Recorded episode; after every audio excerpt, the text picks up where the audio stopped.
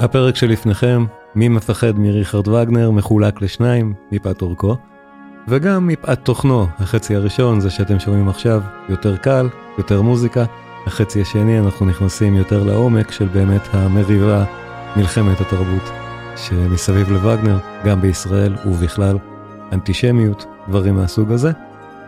אז uh, מחולק לשניים, ובואו נתחיל. מי מפחד מריכרד וגנר?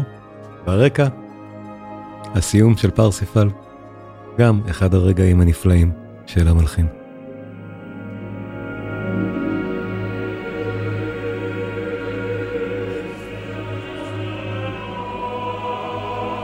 הפן האנטישמי של ריכרד וגנר הוא אולי המפורסם ביותר במאה שלנו, כי הוא נקשר אצלנו מיד לעליית הנאצים לשלטון ב-1933 בגרמניה.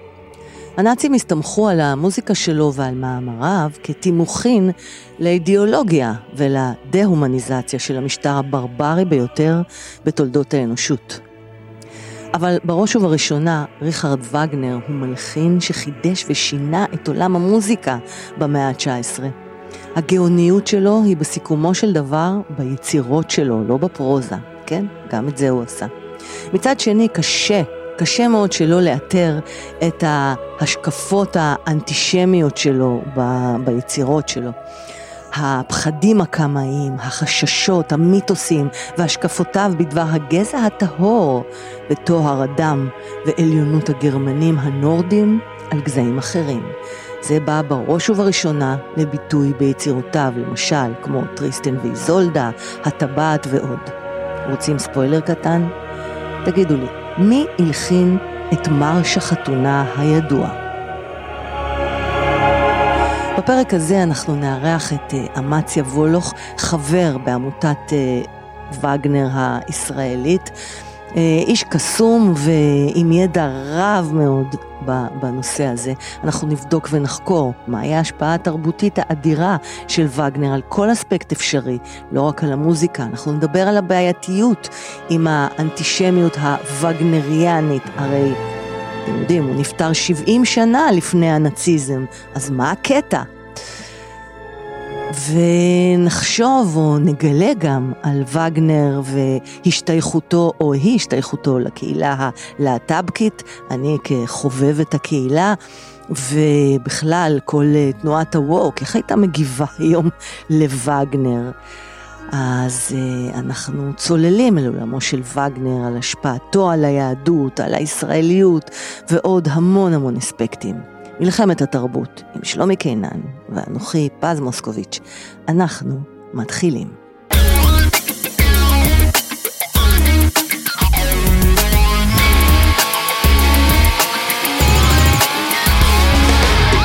מלחמת התרבות, הפודקאסט של פז מוסקוביץ' ושלומי קינן, בו אנחנו מדברים ודנים על נושאי תרבות אקטואליים וחמים, וגם נלחמים עליהם.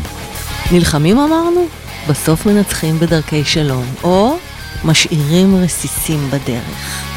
דיוני עומק מזווית אחרת בהחלט. ומי הם המגישים?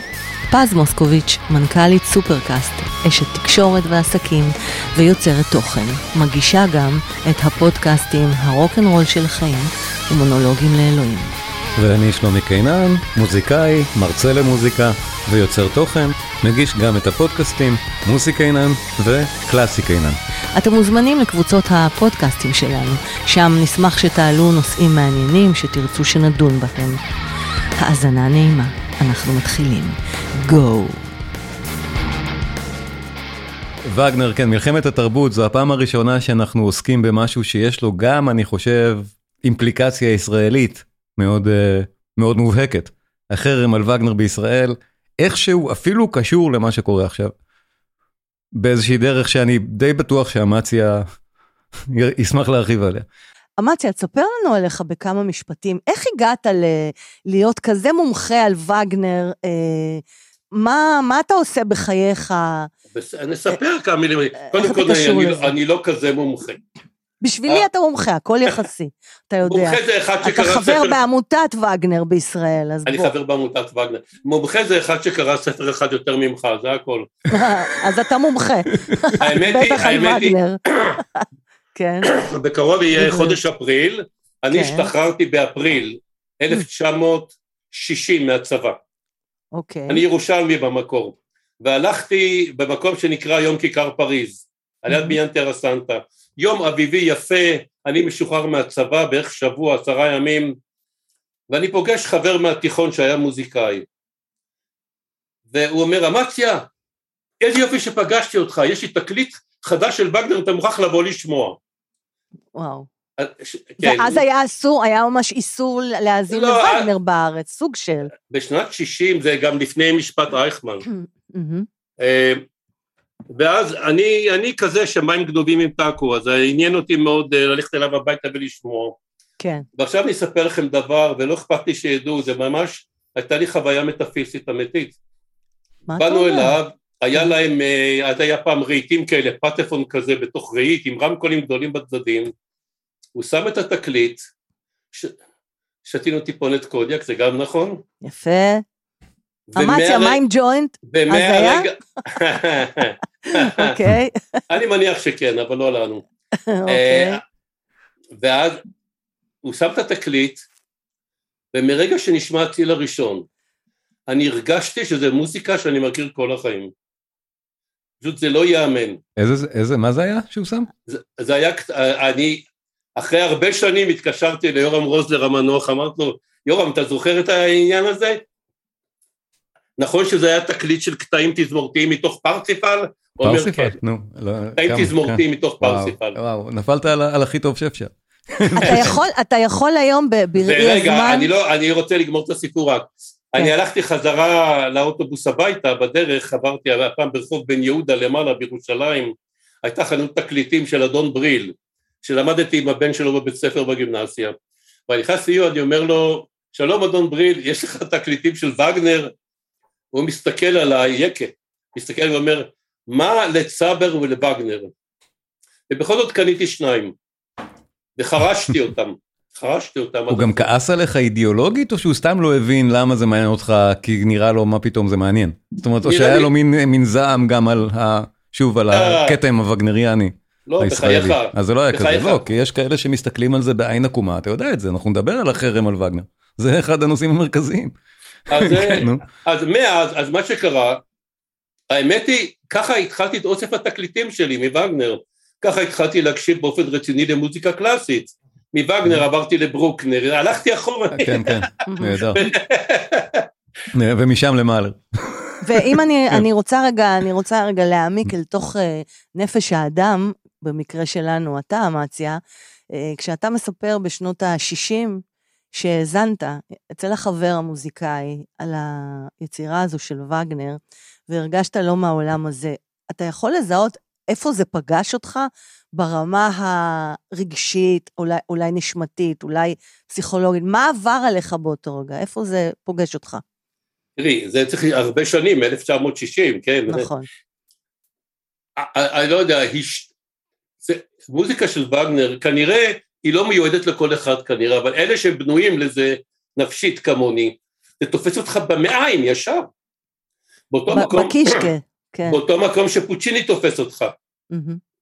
אוקיי? כן. ומה זה אומר תופס אותך? מה אתה חווה לא... באותם רגעים? אם אתה יכול לתאר לנו את זה.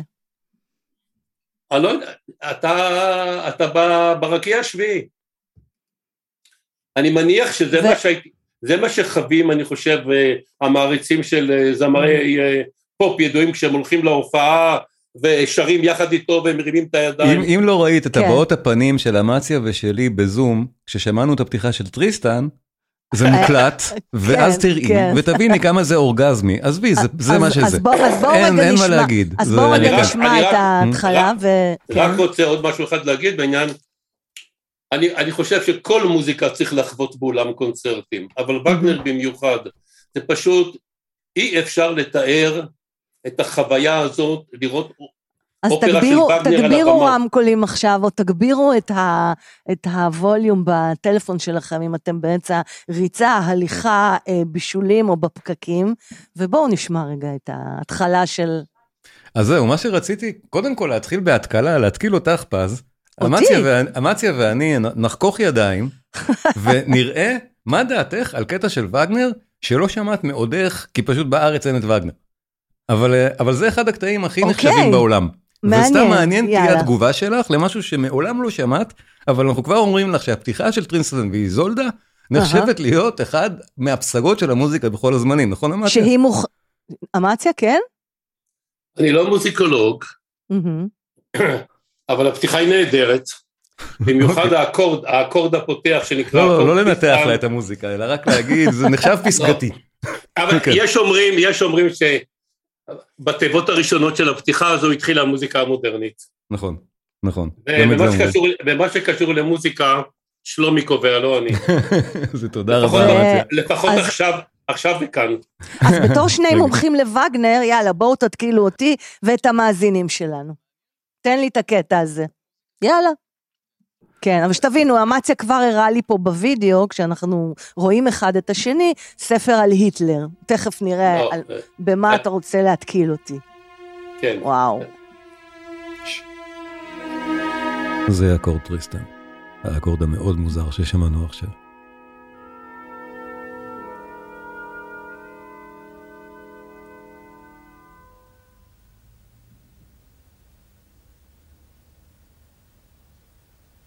עצרת את זה? או, לא, וואו.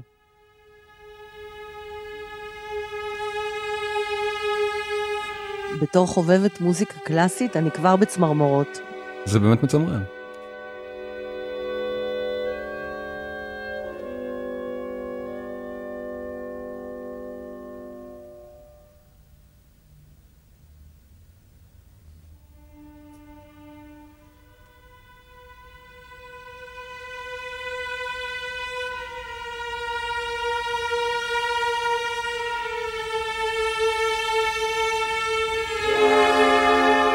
האקורדים הלא נפתרים האלה, לא נפתרים אף פעם, עכשיו בחמש, כמעט חמש שעות של מוזיקה.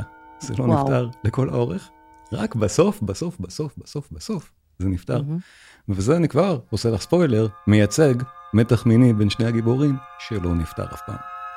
עד הסוף אמר, הג- הגאולה שבמוות, או המוות שווה אהבה, בסוף. מדהים. זה, ו- זה, ה- זה ו- הקונספט.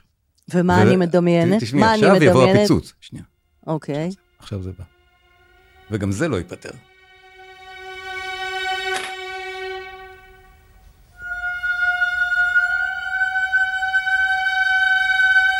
עכשיו זה בא.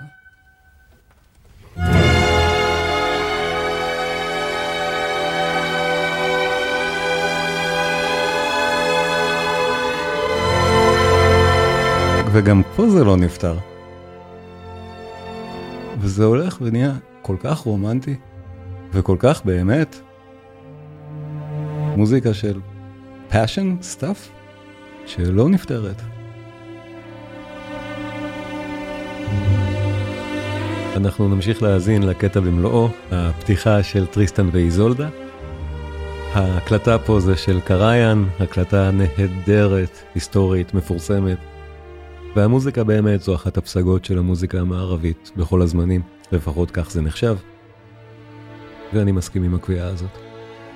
בכל מקרה, מאזיני מלחמת התרבות, שאולי פחות מעניין אותם לשמוע את הקטע במלואו, למרות שחבל, אני ממליץ, תקשיבו לזה עד הסוף כי זה נהדר, יכולים לדלג ל-21 דקות פנימה, שם אנחנו ממשיכים בשיחה. בואו נהנה, טריסטן ואיזולדה, הפתיחה.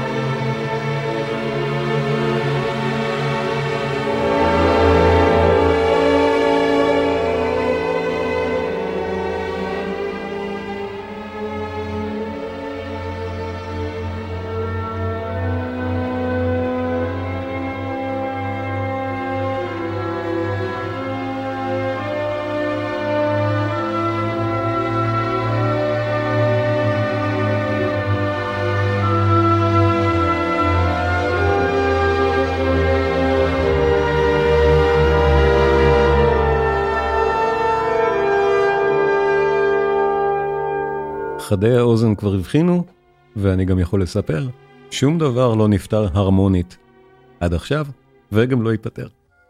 אנחנו כל הזמן במין מסע שלא מגיע לשום מקום עם נקודה בסוף משפט. וכך זה ממשיך לא רק בפתיחה, אלא לכל אורך היצירה, עד הסוף המר, בו סוף סוף אנחנו מקבלים סגירה הרמונית. זה מדהים.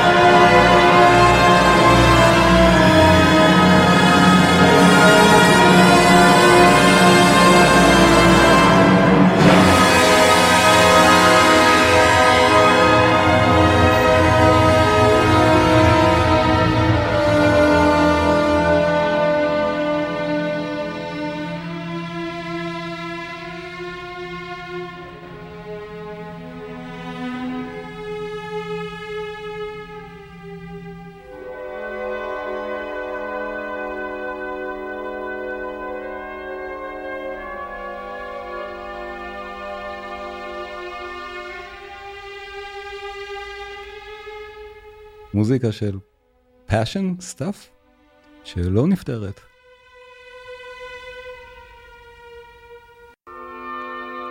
passion או מחנות השמדה ליד תאי הגזים, שמנגנים את זה, היהודים. זו האסוציאציה שהמוזיקה הייתה עושה לך?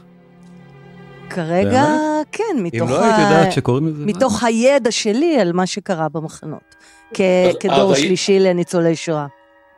למה, שמעת מהסבא והסבתא שניגנו להם את זה?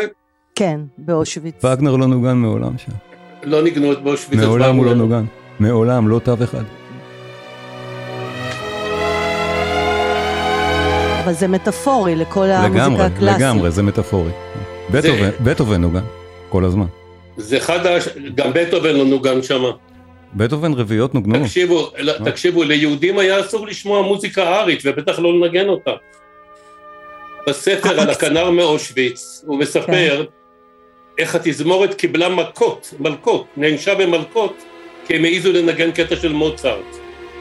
אז מה יש- כן ביקשו שנייה, מהם יש- לנגן? רגע, אני רק רוצה לדייק. יש את הרעיון, אני לא יודע אם ראית, בסרט של סטיבן פריי, על אה, על אני ראיתי, אבל וגנר, לא זוכר, היא לא ניצולת, זוכר. ש- ניצולת שואה שניגנה על צ'לו במחנות הריכוז, והיא מעידה שהם ניגנו ברביעיות מלחינים כמו מוצרט, היידן ובטהובן, אבל ודאי שלא את וגנר. אבל כאילו זה מה שהיא אומרת. אז אה, כן. הכל, נכון, פשוט? תלוי מי הפסיכי, הכל נכון, פשוט תלוי מי הפסיכי שהיה שם, באותו יום, באותו רגע. לא, אבל אה, גם לא, וגנר. וגנר גם פרקטית אי אפשר לנגן. זה בלי. קשר לכלום. זה אין לו- בוא. אין לו יצירות כאלה. בוא- בואי תנו לי רגע לעשות סדר. כן. כן, להפריך מיתוס או שניים. אני לא סתם. הראיתי לכם את הספר הזה. בוא, אוקיי. איך, איך הוא נקרא? אה, היטלרס וגנר. נכון. נכון. כן.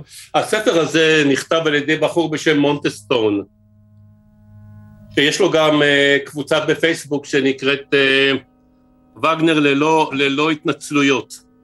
כן, אה, אתה-. אנחנו שם, אני אני עוקב. אתה עוקב. כן. ובספר אוקיי. הזה, מה שהבחור הזה עשה, הוא הלך וקרא את כל מה שהיטלר כתב ואת כל הנאומים שלו שיש בכתב. את כל זה הוא קרא, כדי לחפש התייחסויות לווגנר.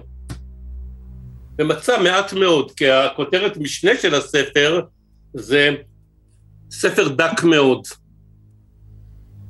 ופשוט יש מיתוסים סביבו, המילה מיתוס לא נכונה, כזבים שמפריחים סביבו. אבל אבל רגע, אני- אבל אני לא מבינה, אמציה. בואו נתחיל, אני, אני רוצה להתחיל בהקדמה שלך, כן, על, ה, על ההשפעה שלו על הנאצים. כן. לא, לא, לא, פשוט לא. מה זה לא? מה זה אומר לא?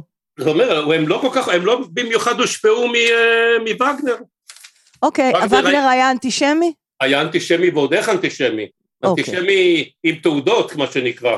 ומה מה היו התעודות? בוא בוא תספר לנו על האנטישמיות של וגנר. מתישהו, נדמה לי, אני לא זוכר את התאריך מדויק, ב-1850 ומשהו, הוא פרסם מאמר בשם בדוי, אבל ידעו שזה הוא. השם הבדוי היה אה, החוש- החושב החופשי. לא יאומן. יאומן, יאומן. הטיפוס הוא מגלומן חסר עכבות, בלי קשר לאנטישמיות. וואלה. זה כן, מעניין. כן. לא, הוא היה בן אדם מתועב, היה בן אדם כן. מתועב. אוקיי. שום דבר לא טוב- מפתיע טוב בהקשרים לדעת האלה. את זה, כן, כן? אוקיי. מה?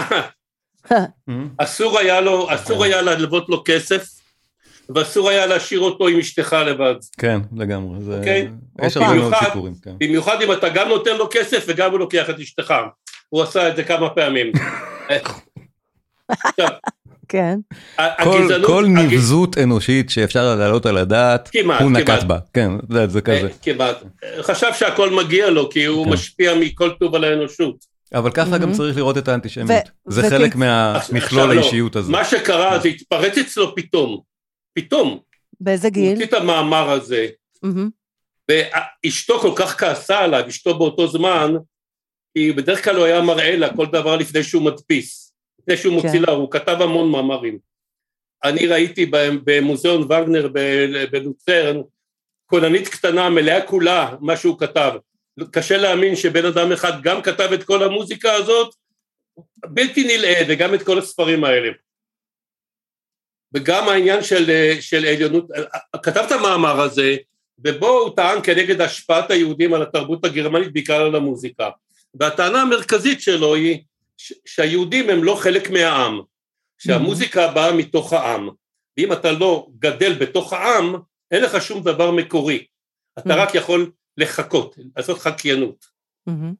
אה, אבל הוא קיבל את זה בהרבה אמרות אנטישמיות, כמו דיבר על, ה, על הרתיעה האוטומטית שיש לנו כשאנחנו יהודי, רואים יהודי או מדברים עם יהודי. אה, המאמר הזה אגב תורגם לעברית. למה זו רתיעה אוטומטית אה, כדבריו? תחשבי על עצמך למשל, כשאת נתקלת, את תושבת תל אביב, תחשבי שאת, תחשבי על עצמך, אני אומר כן. עכשיו ברצינות, שאת כן. עולה לאוטובוס mm-hmm. בנצרת, ואוטובוס מלא ערבים שמדברים ערבית, איך את מרגישה? לא, או, או שאת מקום אחר, שאת פארת... איך אני מרגישה? אה, תלוי באיזו תקופה במדינה. בימים אלו הייתי מרגישה קצת אה, במתח.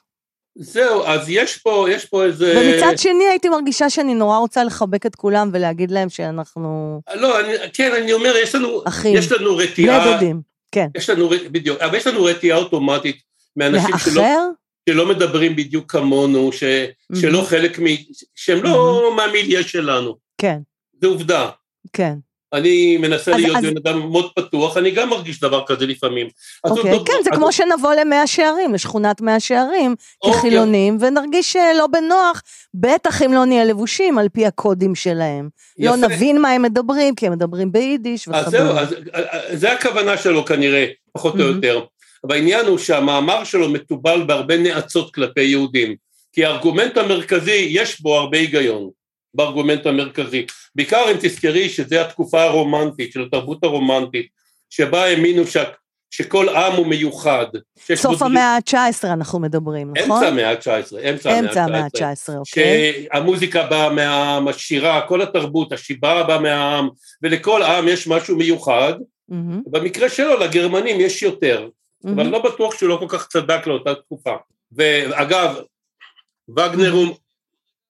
וגנר, הוא מאוד קשה, הוא מאוד קשה לקריאה. נכון, אני רק רוצה שנייה שנבין על מה מדובר, לא בתיאוריה הוא כתב מאמר, בואו נקריא רגע רפליקה מצוטטת מאותו מאמר בוויקיפדיה. בבקשה. מאמר היהדות במוזיקה. Uh, היהודי שכידוע לכולם מייחס את כל האלוהים לעצמו, מכה בנו בעיקר בחיים היומיומיים בהופעתו החיצונית, שלא משנה לאיזה לאום אירופי אנו משתייכים, יש לו משהו זר ולא מתקבל על הדעת ללאום הזה. באופן זה, אינסטינקטיבי... זה ציטוט מווגנר? כן, מה, okay. אוקיי. מהמאמר המפורסם, הידוע לשמצה ביותר בתולדות המוזיקה. Okay. אוקיי. באופן אינסטינקטיבי, כולנו מקווים שלא יהיה לנו דבר במשותף עם אדם שנראה ככה. כשפוסחים על הצד המוסרי, באפקט שהוא בעצמו תופעת טבע חריגה ולא נעימה, הוא מביא את גרורותיו לאומנות, לאומנות, אנו כאן רק ניווכח שבשבילנו החיצוניות הזאת לעולם לא ניתן לחשוב עליה כנושא לאומנות מייצגת. חוץ מהתרגום הקצת מסורבל, אנחנו הבנו את העניין. הם לא הדגישו פה, הם לקחו בכוונה רפליקה שההתייחסות לאומנות פה, היא לא נראית כמו העניין המרכזי, אבל להגנתו של וגנר אפשר אולי לטעון שהפוינט שלו כאן זה ללכלך על שני מלחינים יהודיים, ולכן הנקודה פה, היהדות במוזיקה, איך היהודים לא יכולים לעשות מוזיקה. Mm. וככה הוא לכלך על מיירבר ועל מנדלסון, וזה גם הצליח לו. על מיירבר לפחות. על מנדלסון. כן, על מנדלסון הוא לא היה יכול, אבל מיירבר באמת הוא, כן, לא יפה, כי וגנר אדם מגעיל, כי מיירבר באמת סייע לו בתחילת הקריירה מאוד, פרגן לו, והבן זונה כותב את זה. הוא נתן לו, הוא לא- נכון. היה הולך לאיבוד בלעדיו. הוא נתן לו את הקריירה, ממש ככה. יהודי שפתח לו את הדלת, כן, זה ממש, ווגנר הוא בן זונה מניאק. בפועל, כן, מה זאת אומרת? בפועל, מה זאת אומרת? מה הוא עשה? אני אספר לך מה היה. כן. וגנר, אה, כרגיל, השאיר הרבה חובות ב... זה היה בלטביה או בליטא, באחת הארצות, בריגה. ריגה, בריגה. הוא כן. ברח, הוא ברח מהנושים שלו, יחד עם אשתו. הדרכונים שלו היו, היה מוחרמים, אז הם עברו את, את ה, יחד עם הכלב את הגבול, גנבו את הגבול. טוב שהוא דאג לכלב, כן. ועלו על אונייה ושטו לצרפת. mm-hmm. לעיר נופש בצרפת, בתעלה האנגלית, והם נתקלו בסופה בדרך. וחלק בהשפעת הנסיעה, הנסיעה הזאת, הוא כתב את האופרה ההולנדי המעופף, שהפתיחה שלה זה לא מהעולם הזה, גם. ורגע, רק אני אגבור עוד שנייה. עכשיו, הוא פגש באותה, באותה עיר נופש... אתה יכול לשים תוך כדי, לא, זה לא, לא, לא. זה אי אפשר. כן. אוקיי. אני אישית אוהב או שמדברים או ששומעים. אז תכף. אה, ובעיר כן. הנופש הזה הוא פגש את מאייר בר, וראה לו את ה... את ה... איך קוראים לזה? את מה? את האופרה הקודמת, את ריאנצי ה, את היצירה, הכתובה. היצירה, הוא מאוד התלהב מזה. ובדיוק באותו זמן חיפשו בדרזן, בחצר המלכות הסקסונית בגרמניה, חיפשו אה, אחד, עוד אדם שינהל את, ה, את האופרה. וואו. אז הוא המליץ, הוא המליץ עליו, הוא שלח מכתב, המליץ על וגנר, קורא לה אופרה בשם ריאנצי, mm-hmm. שהיא אופרה של שש שעות. וואו. כן, היום, היום מקצרים את זה לשתיים וחצי. Mm-hmm. שכתובה בסגנון הצרפתי שמאיירבר היה בין המובילים שלו, שנקרא mm-hmm. גרנד אופרה. כן. והוא התלהב מאוד מריאנצי. והוא המליץ, המליץ לחצר המלכות בדרזדן גם להעלות את האופרה וגם להזמין את וגנר. לימים מחנה הריכוז וההשמדה דרזדן. זו הייתה האופרה, כן. האופרה של וגנר שהעלתה אותו לכותרות, היא מאוד מאוד כן. הצליחה בגרמניה, הוא עבד, הוא היה בדרזדן שמונה שנים הוא קיבל ג'וב. רגע, שהיא בעצם הייתה אופרה של היהודי? סוג לא, של? לא, לא, היהודי לא פרגן לו את, לא, לא. הג'וב. אה, הבנתי, אוקיי. לא, האופרה ריאנסי מספרת על, על אדם אמיתי, אוקיי? גרנד אופרה היא תמיד על רקע היסטוריה אמיתי. על אדם אוקיי. מהמאה ה-14 נדמה לי ברומא, טריבון האחרון של רומא. שזה מעניין, זה אדם שהעם העלה אותו, mm-hmm. והעם הוריד אותו והוציא אותו להורג בעינויים. אז אה, אני רוצה רגע, אני רוצה רגע לעצור אותך כאן, אמציה. גם, גם פתיחה נהדרת. ההולנדי המעופף, רציתי להשמיע שנייה, היה לנו קונטקסט להשמיע נכון, את ההולנדי. בואו נכון. שנייה, כי ההולנדי המעופף זה בדיוק האופרה שנכתבה בעקבות נכון. אותה בריחה מריגה. נכון. אז רק אני מזכיר מה אנחנו שומעים, כי עברנו המון כן. זמן מאז, אז אנחנו שומעים כן. את הפתיחה של ההולנדי המעופף, שזה אופרה בעצם הראשונה שווגנר רוצה שנתייחס אליה. זה בדיוק. כאילו זה, כלומר, הוא, הוא, הוא מגלומן מספיק בשביל להגיד כל מה שלפני זה לא נחשב, תמחקו, זה הראשונה וזהו. וגם זה ככה זה היה מקובל הרבה מאוד זמן למחוק כי הוא היה לדעתו הרבה, הפעם הראשונה שהוא הביע את עצמו עד הסוף יש בזה גם הרבה אמת זה הדבר הראשון הגדול באמת שלו.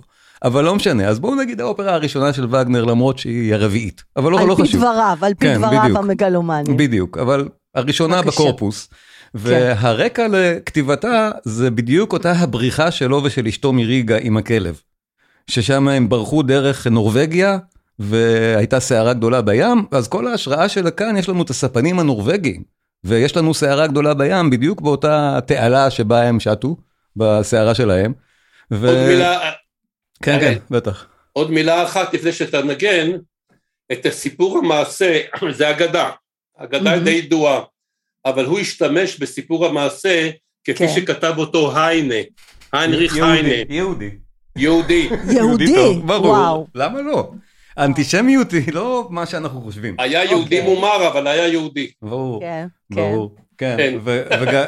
וגם הוא עשה מזה משהו, הוא עשה פה תרגיל יפה אם נגיע לזה, אבל יש להולנדי מוטיב.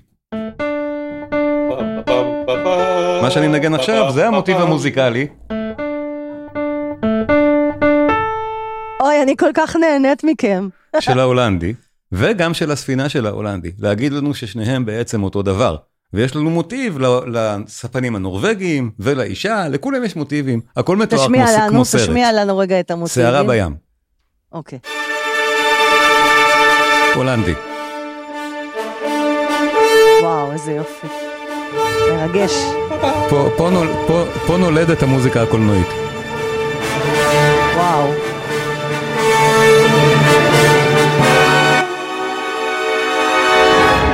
קפיטן, קפיטן. אתם חייבים לראות את אמציה ואת שלומי. אוי, זה גדול. שאלת מה החוויה? זו החוויה.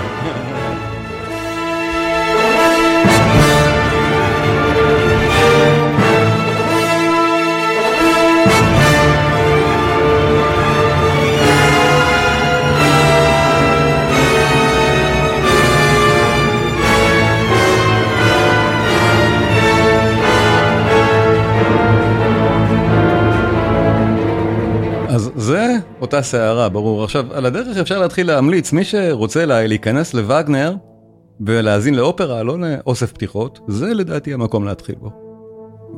ההולנדי, או ספינה, או ספינה בים. זה ההולנדי והספינה שלו ביחד. זה המוטיב, ואנחנו, אני אומר לכם, זה המוטיב של הפרק, אני ההולנדי גם, או אני השוודי? לא אבזבז לכם עכשיו את הזמן, כאילו פשוט אה, בניתוח, טוב. אבל אני אעשה את זה אחר כך. למה? אנחנו ממש נהנים. אוקיי. נהדר. עכשיו יש חלק ארוך שאנחנו שומעים מוטיב אחר. שימו לב. זה המוטיב של סנטה. סנטה זו תהיה אהובתו. אנחנו זאת הפתיחה האופראית שבעצם... ואהובתו השוודית או ההולנדית? ההול- לא, אהובתו הנורבגית. הנורבגית. כן. בלבלתם אותי לגמרי, שוודים אוקיי. אין פה, לא, הם נורבגים. כן. אוקיי. היא נורבגית מנורבגיה. גרטה טונברג הקדומה. אז סנטה זה המוטיב שלה, וזה כמו אצל וגנר, זה גם מוטיב של גאולה באמצעות האהבה ועוד כל מיני דברים שנכנסים לסיפור. והאם כאן הם ממומשים? כאן גם הסיפור הוא מעניין. כאילו האהבה והמוות כרוכים ביחד פה. אם, אם המסי ירצה הוא יהיה הרבה יותר ציורי ממני בלספר את העלילה. אבל מה שבאמת יפה אפילו בפתיחה הזאת, וזאת אחת מהמהפכות הגדולות שווגנר הכניס למוזיקה, זה העבודה המוטיבית הזאת. הדברים האלה שנקראים לייטמוטיבים, שמספרים סיפור שלם בעצמם, ועוזרים מאוד לפסיכולוגיה של הדמויות. זה מה שהוליווד לקחה מווגנר. לכן הוא כל כך חשוב. בלי להכיר את וגנר אין פסקול מודרני, אין. אין, אין, האם- אין חיה האם- כזאת. האם הוליווד באמת לק- אה, אה, לקחה יצירה אמיתית של וגנר? לא, אבל לקחה את הושפעה הטכניקה. לא, בהלחנה, הטכניקה, טכניקה. ספר הלימוד, כן, הספר הלימוד, התיאוריה, הוא כן. המוזיקה ודרמה של וגנר, זה זה ספר הלימוד התיאורטי. הנה, תספר לה על מלחמת הכוכבים, נו. ספר אתה, אמציה. אה, לא, אני? לא כך, אני לא כך, אני לא כך אהבתי את הנה, מלחמת שימו לב, הכוכבים, עכשיו, עכשיו אנחנו הפסקול, נכנסים, הנה, ההולנדי חזר. ועכשיו הסיפור בעצם מתחיל. אנחנו ממש שומעים נרטיב, הסיפור מתחיל, ועכשיו זאת תהיה אחד מהרגעים הכי מרשימים. הנה, עכשיו, אי אפשר לדבר. נהדר, סערה בים. וואו. פאפאם. פאפאם. מהמם.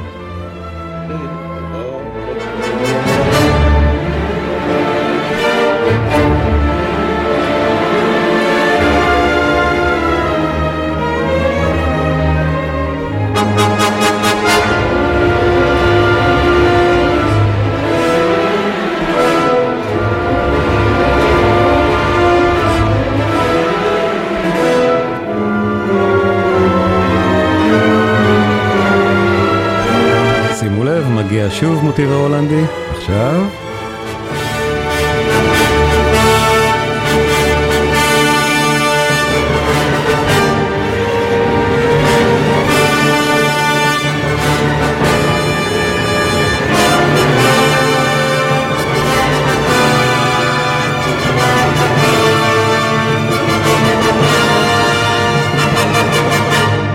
כאמור, אנחנו מחלקים את התשדיר לשניים.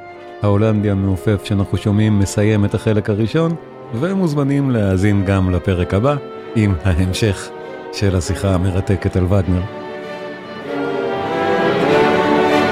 ההקלטה שאנחנו שומעים עכשיו היא של סולטי, גם הקלטה נפלאה, קלאסית של ההולנדי, ואני חוזר ואומר, המוזיקה הקולנועית באמת נולדה כאן, שום דבר לא נשמע דומה לזה בכלל לפני כן.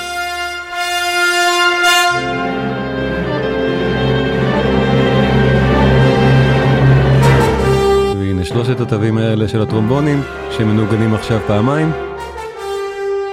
מרמזים על המוטיב הבא, זה של הספנים הנורבגים. התברר שאלה הספנים הנורבגים רק במהלך היצירה, אנחנו שומעים את הפתיחה שלה. אבל זה יהיה שירם של אותם הספנים, שיופיע כמה פעמים בדרמה המוזיקלית. ועכשיו אנחנו מגיעים לשיר עצמו, בלי מילים בשלב הזה.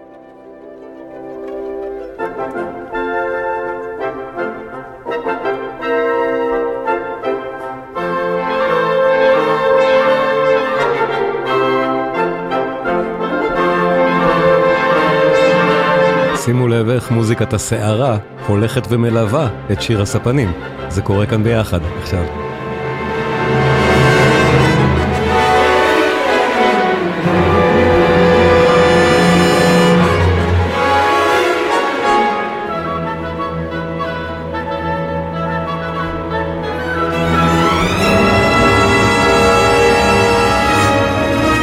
לנו כאן כבר דיאלוג בין שיר הספנים לבין הסערה לבין מוטיב ההולנדי שחזר עכשיו. נפלא.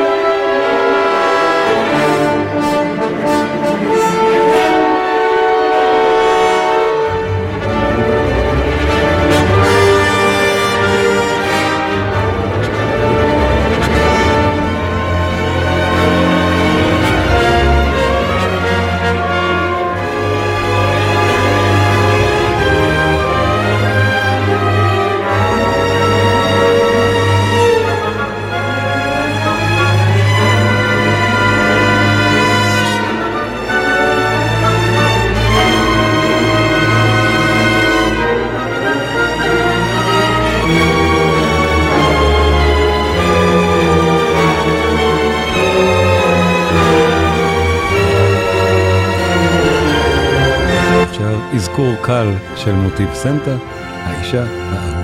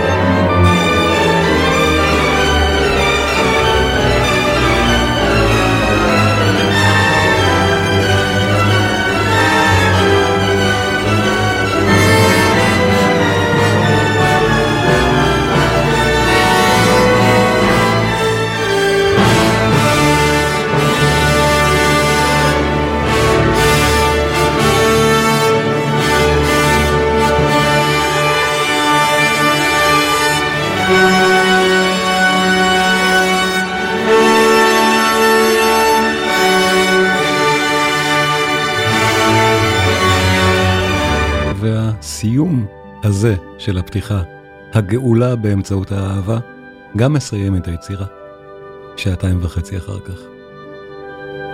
כשהם עולים לשמיים ביחד. צריך לשמוע את זה, במלואו, אני לא אעשה כאן ספוילרים.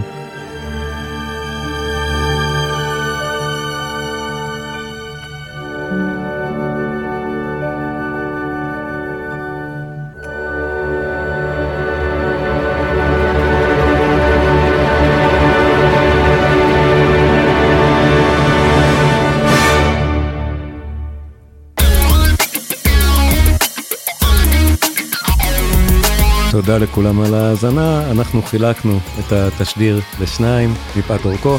החלק השני זמין כבר עכשיו להורדה והאזנה. הוא מעט יותר כבד, קצת יותר דיבור, קצת פחות מוזיקה, על האנטישמיות הווגנריאנית יותר לעומק, ועוד כמה דילמות די רציניות. כולם מוזמנים כמובן לכל הקבוצות הרלוונטיות בפייסבוק וכולי, כל הלינקים בתיאור של הפודקאסט. בואו, כתבו, נדבר על התכנים, נדבר על מה ששמענו כאן, כי זה בטח דיון מעניין. תשתנה.